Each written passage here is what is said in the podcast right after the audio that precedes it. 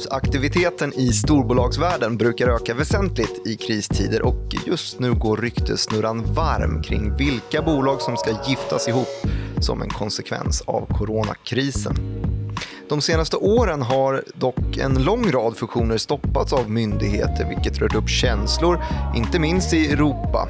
EU-kommissionen som sitter på den exekutiva makten för att bevara konsumenternas intressen och främja en innovativ affärsmiljö i regionen har utsatts för häftig kritik från både politiker och bolag som ansett att behovet av att effektivisera för att behålla konkurrenskraft står högre än risken att mångfalden hotas. Det bärande skälet är en kraftigt ökad konkurrens från delar av världen som saknar dylika grundvalar som EU och resten av västvärlden. Grundvalar ämnade att stoppa monopolism och marknader som dikteras av totaldominanta bolag.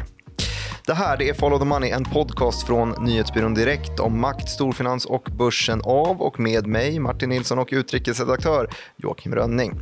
I dagens avsnitt ställer vi oss frågan om EU-kommissionen är på väg att hjälpa en kinesisk drake att bränna ner våra klassiska europeiska konglomerat i svallvågorna av just coronaviruset eller om det egentligen är USA som ruvar på det största hotet. Ett hot som de senaste 30 åren fött fram en närmast total makt i kriget om den digitala världen.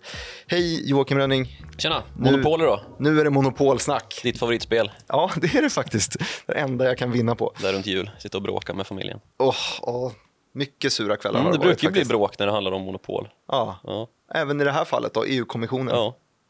gott om det. Mm, du, eh, för att bädda för ett sånt här avsnitt Mm. om monopol, nu har vi ja, precis dammat av ett saftigt intro här så att man fattar vad det handlar om. Mm.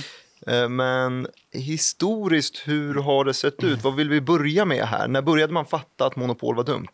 1800-talet, typ. Mm. USA. Eh, så hade det ju växt fram en hel ekonomi ju på ba- bara något, något hundratal, några hundratal år. Ju. Mm. Och då kom ju vissa av de bärande bolagen bakom, typ järnväg och oljeinfrastruktur och dylikt. Eller infrastruktur överhuvudtaget. Att bli väldigt dominerande.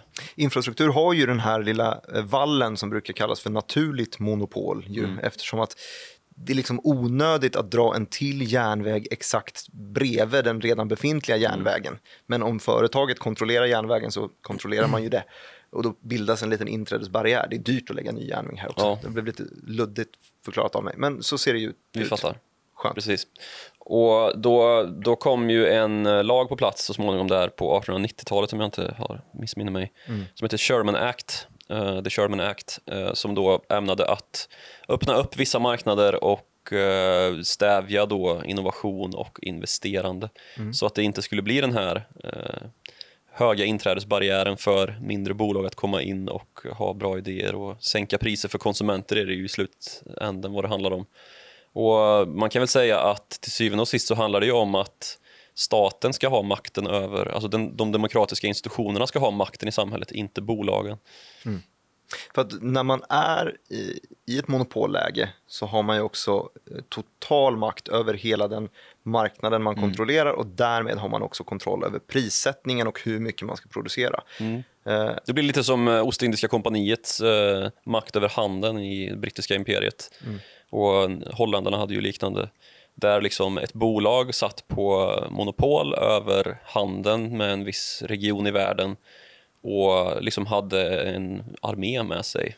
Det var som ett land till sjöss liksom, som bedrev handel då. Och det är ingenting som man med dagens eh, demokrati anser är ett uppbyggligt sätt att eh, styra världsekonomin på. Så då upprättade man konkurrensmyndigheter och, som skulle Ja, då precis. fixa det här. Och som sagt, The Sherman Act i USA någon gång på 1890-talet och sen så tillkom en, ytterligare en eh, reglering som kallas för The Clayton Act eh, på, i början av 1900-talet där. Så det var väl då det liksom kom ut på banan ordentligt att vad är konkurrens och vad är monopol och eh, vad bör vi göra för att stoppa det här då? Eh, och det här ledde ju till sedermera flera stora uppbrytningar då när man söndrade på bolag. Eh, Ja, var det i samband med att man då initierade de här akterna? Ja, alltså Standard Oil som ju var totaldominant inom oljeinfrastruktur och oljeutvinning i hela USA kom ju att delas upp regionalt och geografiskt och blir de här fortsatt stora eh, amerikanska oljebolagen Exxon och Mobil som sen blev Exxon Mobil. Eh, Delades Chevron, upp och sen så kom de tillbaka igen. Ja, Marathon Oil. Eh, Men ja, det finns ju ett flertal då som eh, nu ändå är separata bolag och som konkurrerar med varandra. Jag tror att vi har nämnt det där i Ja, något djupare oljeavsnitt också. Sen senare kom ju också den här AT&T eh, splittringen då, där man delade upp AT&T på olika... Just det, det var de som både hade monopol på att göra Mm. själva fysiska telefonen och samtidigt ägde telefonnätet. som Ja, precis. En bra, bra Det- marknadsposition. Verkligen. Då valde man att dela upp det. Tobak, en annan sån. Hade de monopol? Det fanns det också monopol som man ansåg var bekymmersamt. Om man Eh, vill sälja så mycket cigaretter som möjligt. Ja, så mycket cigg som det bara går. Så är det väl fortfarande. Men, Ja. Nu är det ju eh, en helt annan del av ekonomin som eh, berörs av den här typen av problematik. Den ska vi komma till lite senare. Mm. Men eh, läget idag då, om vi tittar på... Ja, det händer ju väldigt mycket. Ja, det gör ju det. Men nu är det ju snarast fråga om eh, inte att splittra upp bolag först och främst, utan att eh, framförallt EU-kommissionen då har tagit en verkligen ledande roll i att stoppa fusioner. För det finns ju ganska mycket sura miner kring de redan riktigt stora bolagen. Mm. Eh, och då vill man ju helt enkelt stoppa det i god tid så att det inte kan bildas så många så pass stora dominanta spelare redan innan. Så man vill helt enkelt utvärdera pågående fusioner med företag, eller hur? Precis. Och det är då för att inte prisbilden i marknader ska påverkas och att just innovationen ska gå, gå om intet då. För om det inte finns någon konkurrens då finns det ju ingen att tävla mot och det finns ingen idé att hitta på nya lösningar för en viss tjänst eller vara. Då. Mm. Eh, Så vi har ju en rad eh, väldigt kända exempel här i EU de senaste åren bara. Eh, Jag kan bara mest- svenska sidan här på, Ja, men få höra. eh, på ThyssenKrupp och SSAB hade en liten nyhet som kom Ja, idag. just det. Eh, ja, det har varit en sån här som har seglat upp lite då och då Mm. faktiskt. En ryktespridning då att ThyssenKrupp, alltså tyska stålkonglomeratet kan man väl säga att de är, Mm. ryktas köp, vilja köpa upp SSAB eller delar av det. Mm. Jag har ju semester nu så jag vet inte riktigt vad, vad du pratar om. För sist så var det ju SSAB som skulle köpa upp grupp va? Ja, exakt. Det var det som var Men i nu är det andra maj. vägen alltså? Ja. Ja, Eller ja, nej, det ryktas faktiskt om fusion bara. Alltså det har varit en rad och sen så har man Okej. djupdykt i det här lite mer. Men eh, aktien reagerar lite grann på det så att, Mm. jag skulle inte säga att de här är så pass bekräftade än. Men det kanske kommer i dagarna. Ja, då har vi ju stål där och det är också en väldigt här, konsoliderad marknad som har funnits i inte tusentals, jo, tusentals år typ. Och eh, där har vi ju även då haft ThyssenKrupp involverat i en lång rad andra fusionsplaner. Thyssen och varit här Krupp är ju två olika bolag till att börja med som sen blev ett då. Eh, och det senaste, det var väl typ ett år sedan som uh, ThyssenKrupps eh, sammangående med Tata Steel gick eh, i stöpet efter ett EU, eller en EU-intervention. Mm. Där man ansåg då att eh, priset på vissa plåtprodukter skulle bli påverkat och just konkurrenshämmat av en så här stor fusion då med indiska Tata och, eh, Mm. och eh, ThyssenKrupp. Så det, där stoppade man ju faktiskt en, en liksom signerad affär. Den typen av historia hade vi också ganska nyligen. Jag tror att det var sommaren 2016, 17 eller någonting. eh, Där det var Haldex, den här svenska bromstillverkaren, som skulle. Hamnade mitt i en budstrid. Då var Knorr det, Bremse. Knorr Bremse var en av de här och så var det ZF Friedrichshafen, tror jag att man det. uttalar det. Mm. Eh, Och ZF var först och Knorr Bremse tvåa på bollen här med att lägga ett bud och så var det en budstrid mellan de två då. Mm. Ehm, men sen så eh, hamnade det som i ett litet eh, ett, ett limbo där, eh, där Knorr Bremse hade det högsta budet men de saknade godkännande från Konkurrensmyndigheten. Mm. Eh, vilket eh, sen gjorde att Haldex helt enkelt satt fast i det där. Att ja, de har högsta budet men vi vill inte rekommendera folk att ta det eftersom att de inte saknar, saknar god, Mm. eller de fortfarande saknar godkännande. Och de verkade inte vilja göra så mycket heller för att få det här godkännandet. Mm. Så att i efterhand så har det varit spekulationer om att eh, Knorr Bremse gjorde det här för att helt enkelt sätta käppar i hjulen för sin konkurrent ZF.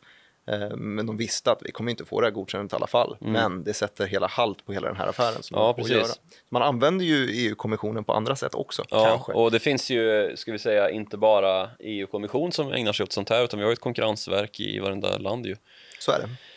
Eh, och, och de ägnar sig ju även åt lite mindre affärer än de här gigantiska eh, som, som då Tata Steel och ThyssenKrupp handlar om, eller SSAB och uh, ThyssenKrupp då skulle bli. Vi har ju en sån jätteaffär eh, på svenska mått mätt nu mellan eh, Evolution Gaming som vill köpa NetEnt. Ja.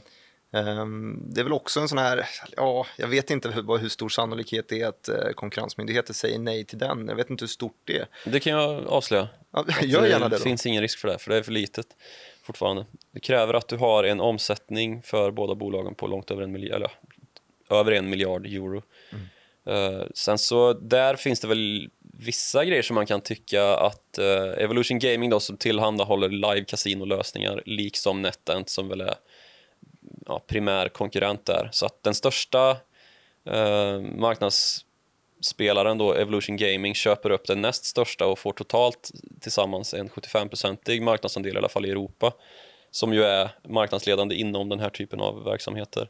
Så där kan man ju tycka att, eh, Ja. vadå, konkurrens liksom? det är märkligt att ha ett fortfarande- omsättningskrav där då tycker jag. För att Ja, man borde precis. kunna vara Jag, lite... reagerar, jag har också reagerat på det. Men jag, jag, reagerade, jag funderade liksom i de här banorna just att finns det ingen risk för att EU eller Konkurrensverket kliver in här, men det verkar inte så. Jag har pratat med lite jurister och sådär Mm. eh, på Konkurrensverket just då. Det är inte anmält och jag tror att en så pass stor affär hade nog haft eh, eh, koll på det. Eh, Känns som det, ja. ja, men, Men det är i alla fall ett bevis på att det händer väldigt mycket Ja. i sfären. Det ser vi ju Absolut. alltid under såna här, ja men under kristider, att Mm. det, det liksom skakar om det i ma skålen Mm. mergers and acquisitions. Ja, Ehm, verkligen.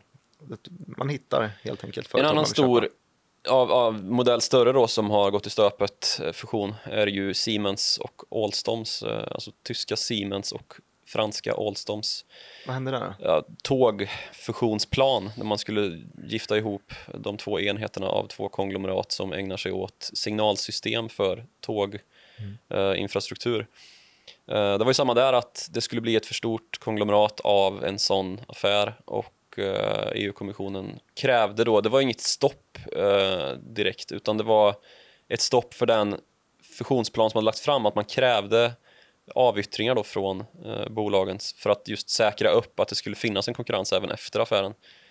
Ehm, men det ville inte bolagen förbinda sig till då, så då släppte man affären helt och det vållade ju kanske den största kritiken eh, de senaste åren när både finansminister Bruno Le Maire i Frankrike och eh, ekonomiminister Peter Altmaier i Tyskland var ute och eh, ja, nästan dödförklarade europeisk industri till förmån då för Kina och deras enorma infrastrukturprojekt som ju bär med sig eh, en väldig konkurrens vad det gäller just kostnadsfördelar för dem då och att det dessutom är statsstödda projekt som, Ja, som det- finansieras av regimen i Peking. Liksom. Det är svårt att sitta som eh, enskilda bolag i Europa och försöka konkurrera med offentliga upphandlingar dessutom som vi har lagar om.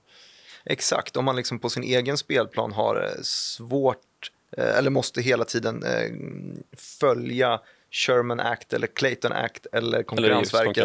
Precis. Exakt. Ja. Medan det finns andra som inte behöver göra det men Mm. som försöker sälja samma varor. Då förstår man ju att det kan finnas en liten... Ja, för marknaden är, ju marknaden är ju detsamma och de här offentliga upphandlingsreglerna innebär ju att du får inte gå till den som har ett högre pris. Men så finns det naturligtvis vissa kvalitetsklausuler också, att bolagen måste kunna visa att de klarar av att leverera det de, det de eh, skriver på offerten. Men problemet är ändå att eh, när det är så här stora bolag, så här stora affärer och du kommer in från Kina med ett anbud som är halverat pris mot en europeisk konkurrent så är det ju någonting som inte stämmer här. Det här var ju, eh, kommer jag tänka på, jag bor ju på, ut mot Nackahållet och där håller de på att bygga en ny tunnelbana. Just det, gula det- linjen. Gula linjen, exakt. Så förra året, tror jag att det var, hösten förra året, Mm. så tog man in, eh, skulle man gräva en massa tunnlar här och det här är ett projekt som ska löpa över flera år. Och då hade man lagt ut det här och, och öppnat upp för att ta in anbud från massa olika Mm. tunnelgrävare, antar jag. Och där tog då ett, det blev lite ramaskri när ett kinesiskt bolag ehm, tog det kontraktet och kunde då erbjuda typ hälften. Eller vad, vad sa de i artikeln? De sa eh, det kinesiska företaget tog 260 miljoner eller någonting för att bygga alla fyra tunnlarna. Det är lika mycket som NCC hade på offerten för Mm. en tunnel. Så att de liksom helt undergrävde och fick kontraktet, vilket Mm. är kanske bra för våra skattepengar, men eh, frågan är hur, ehm, hur bra det är för konkurrensen på Ja, lång och i sikt. förlängningen så är ju det liksom att döda europeisk eh, Exakt. För bolagsverksamhet. kikar man sen på, på det här för, kinesiska företaget så är det ju, det är, dels så handlas det på, på Hongkongbörsen, vet jag, heter det CRTG, Chinese Rail, Mm. Rail Tunnel Tunnel, Group. Ja, precis. Ehm, ganska enkelt namn sådär. Ja. Eh, handlas på Hongkongbörsen men är nästan, äh, största ägaren är kinesiska staten. Mm, så att det klart. finns ju såklart ett egenintresse där. Och eh, ehm, behöver ju helt enkelt inte alls fightas mot samma typer av eh, konkurrensmyndigheter Mm. som eh, vi behöver på svenska sidan. Ja, Peter Altmaier sa jag, eh, ekonomiminister i Tyskland, han har ju varit i bräschen för det här då att eh, vissa bolag till och med ska inte bara förhindras att komma in på den europeiska marknaden då, alltså Kina är ju eh, där man ska stoppa då, utan också att kinesiska bolag ska förvägras att göra intåg i ägarlistor i tyska bolag. Och det här har då kommit på plats efter att eh, robottillverkaren med det lustiga namnet KUKA, eh, K-U-K-A, eh, det. övertogs av ett kinesiskt investmentbolag. Och eh, det är ju en gammal industriklenod för tyskarna då som försvann till kinesiska händer. Och det vill man ju då inte se en upprepning av, så då har man gjort en lista då med eh, i, i sin strategiska plan som är typ löper fram till 2050 eller något sånt här. Om att vissa just typ kronjuveler i den tyska ekonomin ska, ja, de ska inte kunna upphandlas av Det här är ju ett väldigt, väldigt känsligt bolag. ämne. Det var Ja. ju eh, ramaskri, en gång använde det ordet kring Norwegian när Mm. man trodde att det var så att kinesiska ägare klev in och tog en position, men så var ju faktiskt inte riktigt fallet. Nej, det var ju en liten missuppfattning när det pumpades ut i eh, svensk och norsk media. Eh. Det handlade ju om att eh, det var en konvertering där, där man gjorde om skulder till aktier i ett eh, bolag i Kina då som hade stora, eller som Norwegian hade stora ehm, Skulder till. ja, men hyresskulder, för man har hyrt flygplan av dem. Och istället då för att Norwegian skulle gå i konkurs så gick det här leasing, eh, bo- planleasingbolaget med på att ta aktier i Norwegian då som ersättning för att eh, stryka de här skulderna. Så det var ju inget aktivt köp där som, som det kanske lät som, men ehm, ja, det blev lite misstolkat. Men däremot så finns det ju gott om exempel på kinesiska bolag som, som försöker gå in då i, eh, ja, men i, i liksom kärnindustri i hela Europa eh, och lägga under sig eh, de här liksom, ja, hjärtat av den europeiska industrin. Och eh, som sagt, det finns ju då på den här listan som Peter Altmaier och tyskarna har upprättat så är det ju Deutsche Bank och det är just Thyssen- ThyssenKrupp och sådana här klassiska eh, verkstads... Skulle verkligen kineserna vilja köpa Deutsche Bank då? Ja, det är frågan. Billigt nu i och för sig, Ja, en fjäder i hatten bara att ha, ha namnet. ha namnet ja. Deutsche Kines Bank. Ja. Ja, intressant. Um, ska vi se vart vi hamnar med det här då. Ja, jag tycker Eh. att vi borde nämna en grej som vi inte har nämnt än när vi snackar om eh, konkurrenssituationer i Europa. Det är ju striden Huawei eh, Mm. som vill komma in på den. Eh, Just det, det är ju det största hotet från öst kan man väl konstatera efter åratal av jakt på Huawei från amerikanska regeringens sida. Då. Eh, där amerikanska regeringen hävdar att Huawei utgör en risk, eller att de är förbundna att upplåta eh, signalspionage i andra länder åt kinesiska staten. exakt, man vill inte att de bygger upp, det här har vi sagt flera gånger, Ja. man vill inte att de ska bygga upp infrastrukturen eh, när man sen vet att den kinesiska staten skulle kunna Ja. ha en bakdörr in i hela systemet och övervaka. Ja. Eller man, man är rädd för det i alla fall. Det är väl rimligt att man är det, eh, om man nu har bevis för det. Sen så har vi ju liksom en problematisk bild runt hela Huawei då, att eh, vem är det som äger bolaget? Vart kommer investeringskapitalet ifrån? Eh, agerar man verkligen på en öppen marknad eller är det här en monopolaktör som, som, som får en alldeles för stor marknadsdominans då i vissa delar av världen? Just för att man med hjälp av de här statliga stöden då som man hävdar finns bakom kan dumpa priser och komma in betydligt lägre i pris än vad till exempel Nokia och eh, Ericsson kan då. vad det gäller eh, telenätsutrustning. Om man är rädd att de bara har råd med att dumpa priserna här nu för att det finns en statlig aktör som trycker nya pengar i princip Ja. som de trycker in i bolaget och eh, vilket i det långa ledet leder till att både Ericsson och Nokia Ja. konkar och sen så är man fri att sätta vilka priser man vill så småningom Mm. när man sitter där på monopolet. Och det är ju där någonstans vi kommer in på den andra, det andra benet av den här konkurrens, eh, vad ska man säga, konkurrenskomplexet som vi pratar om. För nu har vi ju rört oss ganska mycket i den fysiska världen med bolag som eh, gör infrastrukturprojekt på, på jordskorpan. Stål. Ja. Ja, eh, numera så handlar ju de här konkurrensmålen allt mer om den digitala världen. Ju. Den är så svåröversiktlig på något sätt också. Den är ju det. Ehm, och där är ju spelfältet totaldominerat av USA och eh, EU har väl lite grann eh, gett upp om att komma ikapp USA, känns det som i alla fall. Ja, där har vi FANG-aktierna. Ja, och, och. Sverige har en liten, liten, liten pusselbit där om man lägger till ett Mm. S efter FANG eh, och får in Spotify i den där listan. Ja. FANG är väl då Facebook, Apples, Apple, Amazon, Netflix, Google. Google. Google. Ja, precis. Jag vet inte om... Spotify är ju liksom inget plattformsbolag på det här sättet som, och inte Netflix heller ska man säga. Nej, Eh, utan de är ju beroende av de här andra bolagen för att kunna idag saluföra sina tjänster. Och där har vi ju ehm, Spotify involverat i en ganska så sentida konflikt också ju, med just Apple. Vi kan komma in på det sen. Men först och främst då, att bygga infrastruktur är ju, eh, som vi sa i början här, ofta grundbulten för att hamna i den här konfliktlinjen med då konkurrensmyndigheter.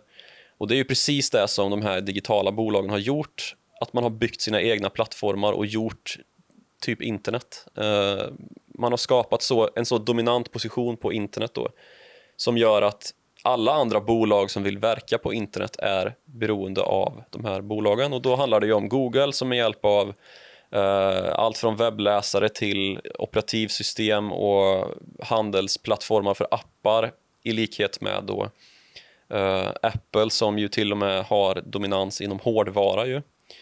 Vi har Microsoft som eh, har eh, också en väldigt dominans inom hårdvara och som ju faktiskt blev tvingade av amerikanska konkurrens eh, en amerikansk konkurrensdom då att upplåta eller liksom öppna upp sitt infrastrukturella system för hur man skriver kod eh, i början på 2000-talet och därmed slapp vidare liksom repressalier i form av annars skulle de bli ett nytt AT&T. Ja, det skulle det kunna ha blivit. Mm. Nu blir det ju inte så. Och man är ju fortfarande ett självständigt och väldigt starkt bolag ju, som är ett av världens största.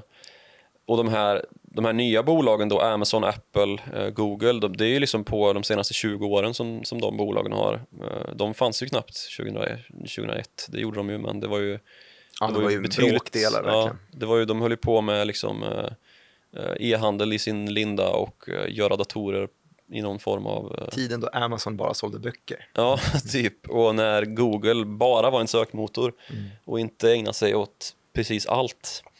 Ehm, Men kan vi inte gå in på det lite mer, hur, hur det faktiskt ser ut strukturellt just? För det var en ögonöppnare för mig när, när vi eh, pratade inför det här avsnittet om, om just Google och eh, alltså fighten eh, Apple mot, mot Android, eller Mac mot Android-systemen då, hur, hur apparna och egentligen lawsuiten från, eh, från Spotify. Den jo, men det, handlar ju delen. om, det handlar ju om just den här grejen med att alla andra digitala bolag som försöker tjäna pengar på internet är i princip beroende av de här... Det finns ingenting som förbinder dem att de måste använda sig av vissa plattformar för att kunna sälja sina appar eller liksom få nedladdningar. Men i praktiken så är det ju så. Mm. Ska du finnas på internet så måste du finnas tillgänglig på de hårdvaror som ehm, eh, de här operativsystemen verkar på. Alltså Googles operativsystem som i mobilversion heter Android och som uh, i eh, Apples värld då heter iOS och uh, App Store i förlängningen. Och ska du finnas på App Store då är du tvungen att upplåta 30% av dina ehm, eh, in- in-app eh, intäkter att gå till Apple. Då. Så att även om själva appen du laddar ner på eh, App Store är gratis Mm. så kan du göra köp i appen och det är de pengarna som de också lägger claims på. Ja, eh, som jag förstår det så är det så. Och det här har ju Spotify under en lång tid försökt komma runt med olika lösningar. Bland annat att du gick direkt till en sida, en separat sida då, som hörde ihop med Spotify enbart då och betalade ditt, den digitala eh, vad heter det? Eh, abonne- ab, ditt, precis din prenumeration så betalade du den separat. Annars så går det ju väldigt mycket betalningar direkt då, att du blir fakturerad från Apple och därigenom så har de ju också en total dominans vad det gäller de här um, Apple Pay och Google Pay då. För om du har en annan telefon än iPhone så har du ju Android idag liksom. Det är ju, det är ju därigenom allt, alla transaktioner går egentligen. Och problemet som gör att det här blir en konkurrens, ett konkurrensproblem är ju just då att Apple samtidigt konkurrerar inom musik med Spotify. Mm, precis. Och då i praktiken då så måste ju Spotify lägga på en tariff om 30% för att kunna ta samma, eller få samma intäkt då som Apple Music som är deras variant av Spotify då. Eh, En musikstreaming-app. Och det är ju om något alltså en eh, konkurrensmässig nackdel. Ja, det är en 30-procentig barriär rakt Ja, av precis. för alla som försöker konkurrera med dem. Eh, sen så Apple har ju naturligtvis gått i svarmål på det här och hävdar att Spotify är eh, pirater liksom som eh, eh, först då har tagit del av Apples fantastiska infrastruktur för eh, appnedladdningar och att tjäna pengar på internet och nu vill liksom eh, smita från notan ungefär.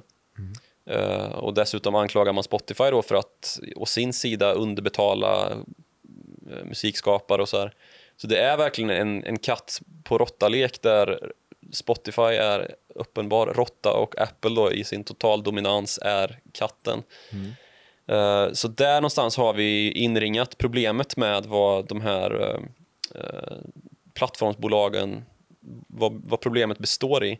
Och konkurrensen utgörs ju idag av kinesiska plattformar. Eh, För resten av världen är inte lika självklart då att, att Android och Apple kommer sitta på den här dominansen i all evighet. Särskilt inte efter att eh, Huawei, som ju inte bara gör nätverksutrustning utan som också gör mobiltelefoner och annan hemelektronik, plötsligt blev eh, ja, förhindrade att upplåtas Android genom Google då. Efter att, För så har det ju eh, alltid varit på deras mobiler, att man har eh, köpt in Ja, precis, sig på ju- Googles eh, ja. operativsystem. Ja. Ja.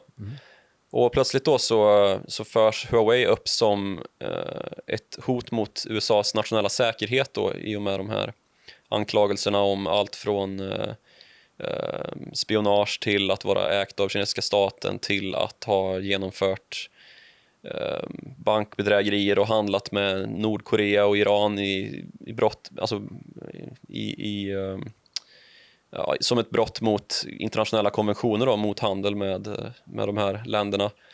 Och då, då ryckte Google bort hela accessen då för Huawei att använda sig av Android, det här operativsystemet för mobiltelefoner. Och då snabbt som attan börjar man ju då såklart utveckla Precis, då börjar eget. man ju utveckla ett eget operativsystem istället.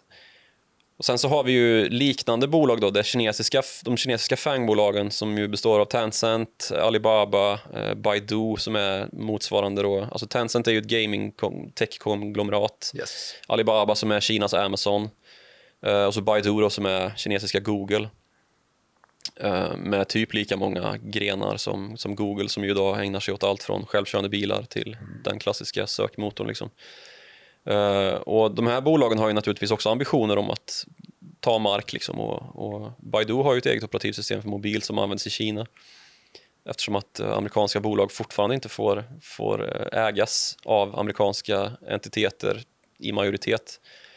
Så att, Kinesiska bolag ägas av amerikanska, ja ja. ja, men inte ens amerikanska. Om du, om du, om du sätter upp en, eh, en amerikansk bolagsgren i Kina så får du inte äga den totalt utan du, du är ju fortfarande tvingad Ja, att. Mm. äga minoritet då, alltså att du, du äger 49,99% av bolaget som amerikan och att kinesisk partner äger 50,1%.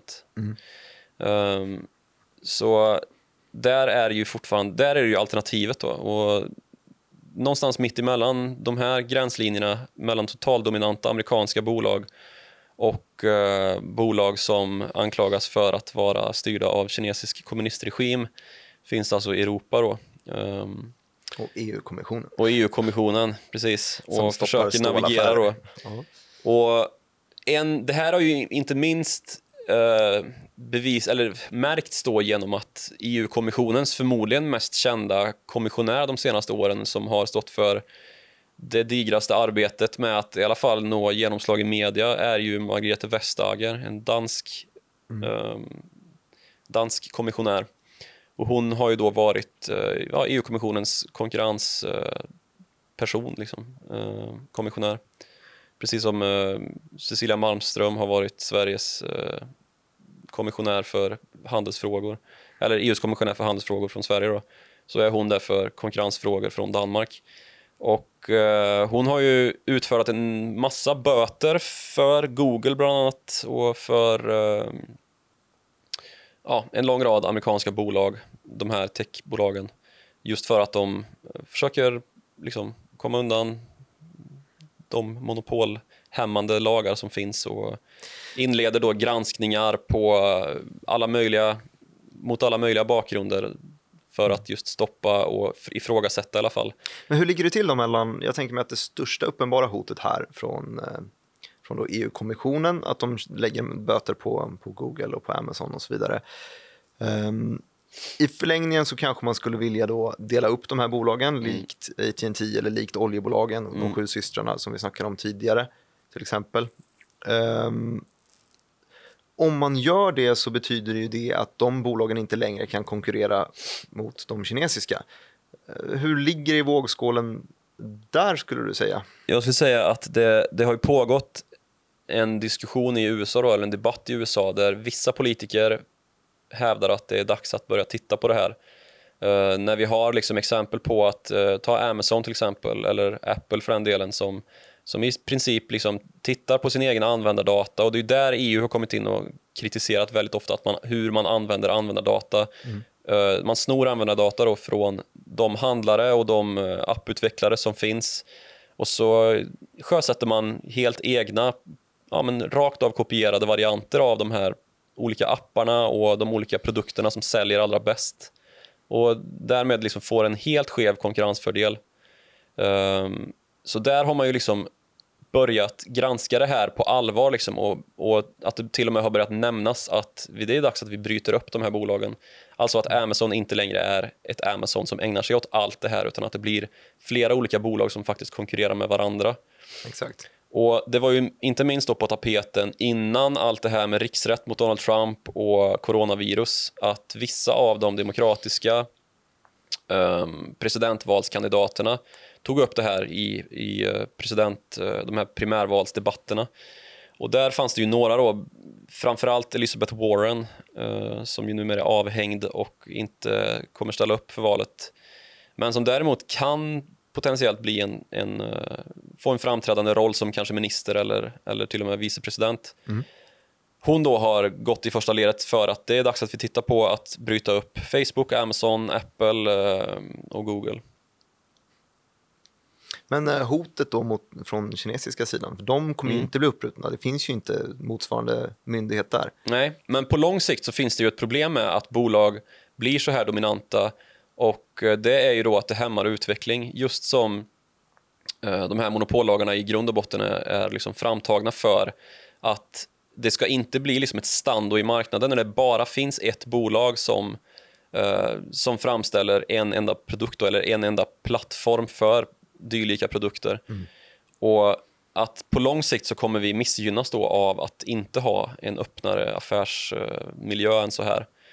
Så då tittar man ju på så här, är det eh, just på lång sikt en, en hållbar lösning att hålla bolagen, eh, de här konglomeraten som dominanta eller är det bättre att lös, lösa upp och stimulera eh, innovation då?